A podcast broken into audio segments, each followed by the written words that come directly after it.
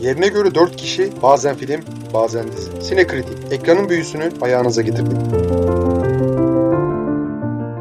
Merhaba sayın Sinekritik dinleyicileri. Biliyorsunuz birkaç ay önce şey konuşmuştuk. Robert Zemeckis'in çektiği bir Pinokyo filmi konuşmuştuk ve özellikle de söylemiştik. Bir süre sonra da Guillermo del Toro'nun çektiği Pinokyo filmi geliyor diye. O şu an Netflix'te gösterime girdi. Şu an onu sizin için yorumluyoruz. Bu arada kanalımıza üye olup podcast'ımızı paylaşmayı unutmayınız lütfen. Filme gelmeden önce bir ara sosyal medyada görmüşsündür sen de. Netflix şey yapmıştı. Hans Zimmer'a bestelettikleri bir intro yayınlamıştı. O intro normalde sinema için olacaktı. Hani normalde işte Netflix'in şey planları vardı. Bir takım filmleri vizyona sokmak çeşitli sinemalarda korona döneminden dolayı gecikti mi ne oldu bilmiyorum yani bu tarz filmleri keşke hani Netflix sinemalarda vizyona soksa dedim ben izleyince hani Knives Out'un devam filmi geldi. Bir hafta şey yapıldı. Seyirciler de ilgi gösterdiler aslında. Sonra çat diye çektiler sinemalardan. Yani mantıklı. Ulan parayı oradan kazanacaksın esas. Merchandise ya en fazla şu sıralar sinemanın en çok kazandığı gelir aslında merchandise gelirleri ama ya gişeden gelir komple niye çöpe atıyorlar ben anlamıyorum açıkçası. Herhalde para istemiyorlar bilmiyorum. Çok saçma bir şey ama yani hani finansal olarak çok yanlış bir tercih bu. Bütün filmleri değil ama bir takım filmlere işte mesela bu izlediğimiz Pinokyo'da dahil olmak üzere vizyona soksalar hem kendileri kazanır hem biz de yani sinemada izleyerek biz de kazanmış oluruz keyif açısından diyeyim. E, şeye bir baktım ben hmm, bugüne kadar ne kadar Pinokyo filmi yapılmış diye bir göz attım epeyce yapılmış. Podcast'ten hemen önce bir göz attım. Robot Pinokyo'dan uzay yolculuğu yapan Pinokyo'ya, korkunç Pinokyo'dan erotik Pinokyo'ya kadar epey farklı versiyon yapılmış. Erdil Yaşaroğlu'nun bir karikatürü vardı hatırlıyor musun? Doğru söyle Pinokyo, yal, yalan söyle Pinokyo, doğru söyle, doğru yalan, doğru yalan vesaire. Kafanda canlandın değil mi? Evet evet hatırladım. Umarım bizden telif istemez şimdi. Neyse. aa doğru lan. Aa aa. Aa neyse yapacak bir şey yok yandık. E, neyse yani çok versiyonu yapıldı. Bu sefer de Guillermo del Toro'nun kendi versiyonu. Birazcık daha karanlık versiyonunu izledik. Ben biraz daha karanlık olur diye zannetmiştim. Yok o kadar karanlık değil. Yine çocukların izleyebileceği bir film olmuş. Bir stop motion animasyon olmuş. Ben beğendim dediğim gibi. Ya şeyden kesinlikle daha iyi. Disney Plus'ta yayınlanan versiyonundan çok daha iyi kesinlikle. Yani orada çünkü yani garip CGI'li böyle insana Uncanny Valley his yaşatan bir live action'dı. Bu versiyon çok daha iyi. Yani stop motion'da her zaman görmüyoruz. O açıdan da güzel. Ki yani şeye baktığımızda Del Toro'nun hani ilk uzun metraj animasyon tecrübesi daha evvel bir takım çeşitli animasyon dizilerinin yapımcılığını yaptı. Orada sen ne diyorum birkaç bölüm çekmişliği de var yönetmen olarak. Filmi tek başına çekmedi tabii. Mark Gustafson'la birlikte çekti. Onun da daha önce yönetmenliğini yaptığı kısa animasyonlar varmış ama ilk kez onun da uzun metraj e, animasyon tecrübesi. Güzel. Ben açıkçası yani filmi gerçekten diyorum yerlere göklere sığdıramayacağım. Ya beni de biliyorsun hani bunca zamandır tanıyorsun. Ben eskiden bayağı aslında hiç barışık değildim. Guillermo del Toro ile. Bu onun tabii ki büyüklüğüne gölge düşürecek bir şey değil. Ne kadar büyük, ne kadar başarılı bir yönetmen olduğunu şey değil. Ama kariyerinin bazı filmleri bana çok yanlış tercihlerle yönlendirilmiş gibi geliyordu. Çok kör göze parmak gidiyordu bazı yerlerde. O yüzden bir süre ben hani onun eserlerine cidden çok mesafeliydim ama hani fare daha küsmüş, daha haberi olmamış. Ne öyle Tavşan. bir şey. Tavşan mıydı? Tavşan mıydı ha neyse. Ya bu kadar büyük bir yönetmen karşısında bu kadar da çok uzun sürede küs kalınmıyor. Çünkü adam çıkartıyor. Yani şu an öncelikle söyleyeceğim şey sinema tarihinin en uzun stop motion filmini çekmiş. O kadar güzel ve o kadar etkileyici ki. Karanlık, duygusal, neşeli de aynı zamanda. Yani bunların hepsini aynı anda fazlasıyla hissettirebilen bir film çekmiş Guillermo del Toro. Ya Allah razı olsun ya. Bir bakıyorum Robert Zemeckis'in çektiği o faciaya. 150 milyon dolar harcamış o filme. Ya inanamıyorum Enver. İnanabiliyor musun ya? 150 milyon dolar az para değil. Bu filmi ne kadar çekmişler biliyor musun? 36 milyon dolar. Oha yani çok garip. Abi gerçekten diyorum. Yani ya şu an şunu söylerken tamamıyla şey iç, içten ve inanarak söylüyorum. Guillermo del Toro boku versen altın olarak sana geri verebilecek birkaç yönetmenden birisi belki de şu an dünyada. Umarım da Netflix saçma salak projelere deli gibi para akıtmak yerine ya Guillermo del Toro'yu ben her sene en az 2-3 projesinin reddedildiğini veya finansal kaygılardan dolayı hayata geçirilmediğini falan okuyorum. Her sene ya garanti. Netflix bundan sonra bak sevgili Netflix şeyleri beni muhtemelen dinlemeyeceksiniz ama yine de belki bir ihtimal sesim ulaşır diye şey yapıyorum. Ya bir dahaki sefer Guillermo del Toro size bir projeyle geldiği zaman direkt imzayı çakın geçin. Bu sene Guillermo del Toro'nun küratörlüğünde yapılan korku hikayeleri de vardı. Netflix'te inanılmaz güzeldi. Yani hani ortalama olarak benim için çok etkileyiciydi açıkçası. Umarım bu şeyini, üretkenliğini bu seviyede tutmayı becerebilir daha uzun süre. Kesinlikle şikayetçi değilim. Ellerin dert görmesin Guillermo abicim. Bu arada yaklaşık bir buçuk yıl evvel zannediyorum. Yine burada şeyi konuşmuştuk ondan Night, Nightmare Alley'i konuşmuştuk. O zaman şey demiştim yani filmin müziğini besteleyen kişiye gelecek olursak o zaman şeyle çalışmıştı. Nathan Johnson'la çalışmıştı. Bu sefer yine Alexander Dopla ile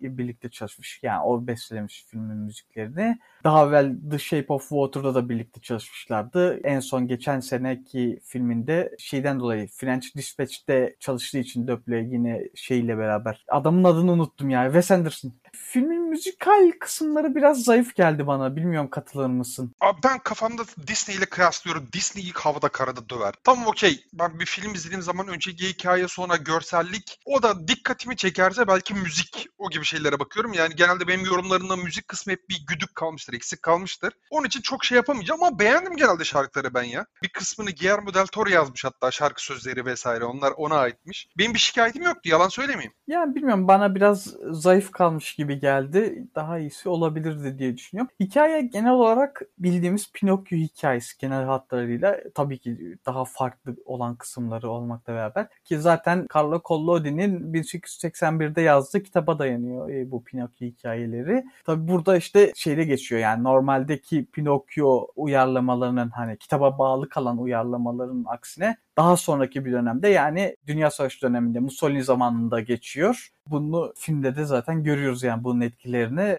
Ya Pinokyo'nun hayat bulma şeklini ben normal orijinal hikayedekine göre daha çok sevdim. Hani e, şeyi de Geppetto'nun onu hemen kabullenmeyişini de daha çok sevdim. Yani normaldeki Pinokyo hikayesinde e, Geppetto o yaşıyor musun? O iyi hemen sen benim çocuğumsun bundan sonra diyordu. Burada öyle olmuyor. Yani bu daha hoşuma gitti. Bir kısım var. Ne kısmı olduğunu söylersem spoiler olur. O yüzden çok belirtmeyeyim ama bir kısım var. O kısım bana Grim Fandango oyunu var. LucasArts'ın bir adventure oyunu. Orayı anımsattı. Hangi kısımdan bahsettiğimi sen anlamışsındır herhalde. Ya Grim Fandango'yu hiç oynamadım. Adventure oyunlarıyla aram hiçbir zaman çok iyi olmadı Ha. Enver ya. Ben hani çok uzun süredir gamer'ım ama yani en az bulaştığım tür belki de Adventure'dır. Onu söyleyeyim sana. Ya işte bir takım tavşanlar gördüğümüz bir yer var. Orada ya o kısım bana Grim Fandango oyununu biraz anımsattık ki o kısım hoşuma gitti. Bir de sana laf vermeden önce hoşlanmadığım kısım e, Mussolini'nin o Mussolini gördüğümüz bir kısım var. O kısım biraz daha iyi olabilirmiş. Bana biraz fazla çocuksu geldi diyeyim ve sözü sana vereyim. Guillermo del Toro'nun bir süredir filmografisini görünce yani insan ne geleceğini az çok biliyor. Çünkü Guillermo del Toro'nun çocukları politik ve özellikle savaş ve ölüm dolu bir atmosfer için yerleştirdiği ilk film bu değil. Devil's Backbone'da da böyle yapmıştı. Pan'ın Labirenti'de de böyleydi. Bu üçüncü film. Bir de zaten senin söylediğin üzere aslında orijinal kitapta Pinokyo hikayesi 1800'lü yıllarda geçiyor. Bu 1930'lu yıllara taşımış hikayeyi. O yüzden çok büyük bir değişim var. Uyarlamaları, yaptığı uyarlamaları hem biraz daha insanı tedirgin ediyor, kaybetme korkusu tetikleniyor bir yandan da izledikçe. Çünkü ya Geppetto'da görüyorsun onu tamam mı? Hani o yüzden bağlanmakta mesela senin söylediğin gibi Pinokyo ilk başta bağlanmakta o kadar zorlanıyor. Çünkü acısının hala taze olduğunu hissedebiliyorsun. Onun için gördüğü ve kabul etmesi zaman alan bir şey oldu onun için. Ki daha sonra aslında ne kadar öngörülü olduğunu görüyoruz Geppetto'nun. O sonraki süreçte yine çeşitli stres dolu durumları yaşadıkça aslında çok öngörülüymüş. Anlıyormuş yani bu işten Geppetto Reis. Pinokyo da hiç kolay bir çocuk değil ya. Vallahi yemin ediyorum evlere Irak. Hakikaten diyorum ne laftan anlar, ne sözden anlar, ne eğitimden anlar. Öyle bir zıpır. Ama orijinal hikayeyi yaptıkları o dokunuşlar inanılmaz zenginleştirmiş. Zaten Pinokyo masalını da okuduğum kadarıyla o da bin yıl öncesinden aklımda kalmış. Aslında çok yine dokunaklı, yine aslında hüzünlü bir hikayesi vardı. Ama burada işte biraz daha o savaş atmosferi eklenince insan tedirgin oluyor sürekli. Nereden nasıl bir bela gelecek acaba? Çünkü ya orijinal hikayeyi bildikten sonra bir yerden sonra o değişiklikleri görünce insan bir gardını alıyor açıkçası. Daha bir dikkatli izliyor, daha bir diken üstünde izliyor. Bunu iyi anlamda söylüyorum ama çekimler, anlatım, diyaloglar bence kesinlikle çok çok iyi. Bunlar hiçbirisine en ufak bir şeyim yok. Seslendirme kadrosu da çok iyi. Hatta hatta Tilda Swinton mıydı maymunu seslendiren Ömer? O da seslendirme kadrosunda var. Kate Blanchett. Ha pardon çok özür diliyorum. Kate Blanchett. Çok çok pardon. Ya böyle bir kadro var. Gregory Mann ismini bilmiyordum tabii ki. Onu şey yapacağım. Abi Evan McGregor var. David Bradley var. Tilda Swinton, Kate Blanchett daha ne olsun lan? Yani ve bu bu kadroyu yani hani sadece bunları kağıt üzerine koymak zaten bir 15-20 milyon dolar etmesi gerekirken yani bu komple böyle bir şeyi bir de özellikle çok ince işçilik gerektiren bir şey. Artık Guillermo del Toro hakikaten çok gönül bağı kuruyor çalışan ekiple. Hallederiz baba diyorlar ve daha az paraya çalışıyorlar. Bu bir ihtimal. Ya da muhtemelen sahne arkasında ciddi bir köle pazarı var. Yani insanları kırbaçla çalıştırıyor. Ya başka açıklama bulamıyorum yani. Hani iki Pinokyo filmi arasındaki bütçe farkını işte şey Zemeckis'in ve Guillermo'nun Pinokyo filmleri arasındaki o bütçe farkını kafam almıyor. Ya da Zemeckis'in filminde Tom Hanks doğrudan 50 milyon dolarla açılışı yapmış. Hangisi bilmiyorum. Orada parayı iç etmiş de olabilirler. Aa, abi inanılmaz ya. Oğlum bu 150 milyon doları nereye harcadınız ya? Ya çok kötü film. Görüntüler kötü. Ya ne bileyim şarkılar kötü. Replikler kötü. Yani yönetim kötü. Ulan nereye gitti o para? Dediğin bence de haklısın yani orada parayı nereye harcadıklarını ben de anlayamadım. Yani parayı iç etmiş olma ihtimalleri gerçekten mantıklı geliyor böyle düşününce. Öte yandan 36 milyon mu demiştin ya gerçekten az yani bu filme baktığında. 36. Çok iyi harcamışlar, çok iyi iş yapmışlar yani o bütçeyi çok iyi kullanmışlar. O belli bariz. Hani özellikle e, oyuncu kadrosuna baktığımızda sen de dediğin gibi yani Evan McGregor var, David Bradley var. Gregory Mann'i ben de ilk kez yaptım. Daha doğrusu şeyde izlemişim kendisini. The Gourney Literary and Potato Peel Pie e, Society'de. O da Netflix filmiydi. Filmi bilmiyorum ve telaffuzundan dolayı Anlayamadım. filmi arama kısmından anlayamadım. Zaten anlamaya da üşeniyorum yani. Çünkü o kadar uzun bir isim söyledin ki. Uzun. Şimdi sana yeniden söylettirmeye çalışırsam büyük ihtimalle ben burada kalp krizi geçiririm. Onun için he deyip geçiyoruz. IMDb sayfası sana daha sonra atarım. Ya orada neyi oynamıştı hatırlamıyorum. Filmi de çok hatırlıyor değilim yani şu anda maalesef. Ya çok da bir tecrübesi yok zaten çocuk oyuncu. Ama geri kalan kadroya baktığımızda işte Ron Perlman olsun, John Turturro olsun, Finn Wolfhard olsun, Kate Blanchett olsun, Tilda Swinton olsun, Christopher Waltz olsun yani yıldızlarla dolu bir kadro gerçekten. E, Tilda Swinton bu arada şeyi seslendiriyormuş. e, Ormanın ruhunu seslendiriyormuş. Neyse çok iyi gerçekten bu açılardan düşündüğümüzde yani ben filme çok iyi demem e, ama kesinlikle sevdim. Şey zaten hani Disney'in versiyonuyla karşılaştırmak abes yani o kadar diyeyim.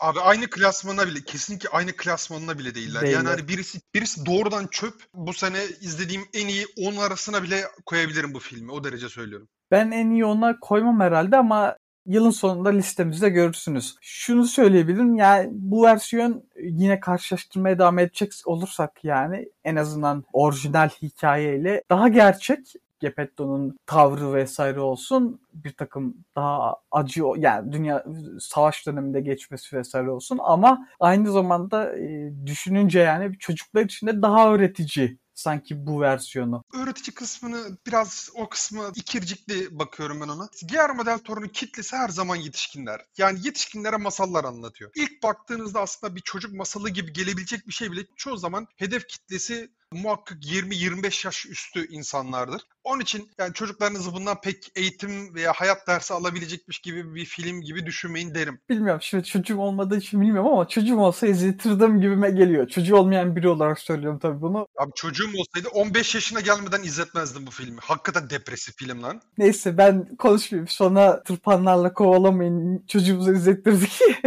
Şimdi psikolog masrafının kim ödeyecek Ama falan bir diye. yandan depresif bir tarafı da var. Yani o kadar da şey değil. Ya bir yandan çünkü hakikaten filmin her tarafına Geppetto'nun kaybetme korkusu sinmiş durumda. Ya hissediyorsun. En mutlu karede bile o gözüne çarpıyor senin. Onun bir şeyi yok yani. Bence çocuklara izletmek için çok uygun bir film olmayabilir bu özellikle. Bilmiyorum biraz etkilendim o kısımdan da. Ya hatta özellikle filmin son 10 dakikası evde tek başıma izlememe rağmen ya ağlamamak için hakikaten bir kendimde bir mücadele ettim. Şöyle filmi birazcık durdurdum. Azıcık şöyle bir kafamı rahatladım. Ya bilmiyorum bir yaştan sonra ılıklaşıyor muyum ne yapıyorum böyle eskiden şöyle kan man kan gövdeyi götürürken kahkahalar atan ben şimdi Guillermo del Toro filmini alıyorum. Nereden nereye işte yani. Hayat böyleyken böyle.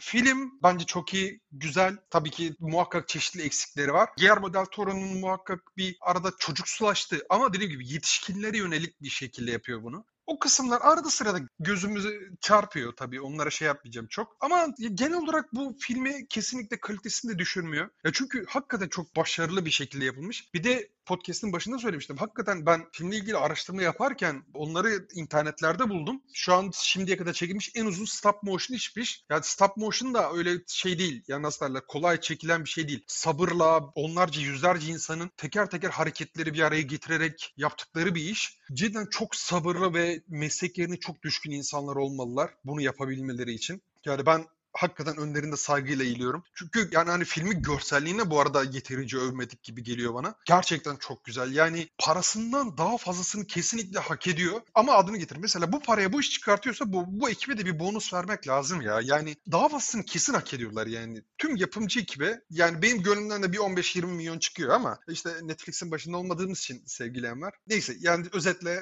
görselliği çok iyi. Kesinlikle katılıyorum yani. Ya ilk başta şaşırdım sen en uzun çekilmiş stop motion deyince ama öte yandan zaten bugüne değin e, çekilmiş bir avuç stop motion var yani. Çok fazla stop motion filmde yok çekilmiş olan. Umarım daha çok çekilir. Zannediyorum Cadılar Bayramı listemizde de söylemiştim yani. Umarım daha çok stop motion film çekilir. Seviyoruz. Çok seviyorum. Birkaç karşılaştırmam daha var yine orijinal hikayesiyle bu şeyde de eleştirmiştim yani Disney versiyonunda da ya o bu Pleasure Island e, zevk adası kısımları yerine hani daha değiştirilebilirdi demiştim. Bu kısımda onun yerine yine savaş e, meselesiyle ilgili bir kısım var. Ne olduğunu burada söylemeyeyim ama çok daha iyi olmuş bu şekilde. Belki o balina bölümü de artık ne diyeceksek o balık bölümü daha iyi olabilirmiş ama sonunu çok beğendim. Bilmiyorum sen ne dersin? Ben sonunu çok beğendim sen ne diyorum sonuna doğru ağlamamak için bir filmi biraz şöyle bir durdurdum. Oysa hani adına getir etrafta kimse yok tamam mı? Şahit yok bir şey yok vesaire. Kimeyse benim bu pozum kimeyse atarım onu bilmiyorum. Lan aktör git ya ağla ne olacak yani. Ama işte bir sakinleşmek için filmi biraz durdurdum. Sonunu o kadar beni etkiledi. Ya çünkü iyi bir yönetmen elinde çünkü bu gibi şeyleri daha fazla hissediyorsunuz. Çok fazla diyecek bir şey bulamıyorum açıkçası. Herkes aynı şeyi hisseder mi? Yüzde yüz emin değilim. Ama bana işledi. O anlatış şekli, hikayeyi bağlama şekilleri vesaire bana dokundu tamam mı?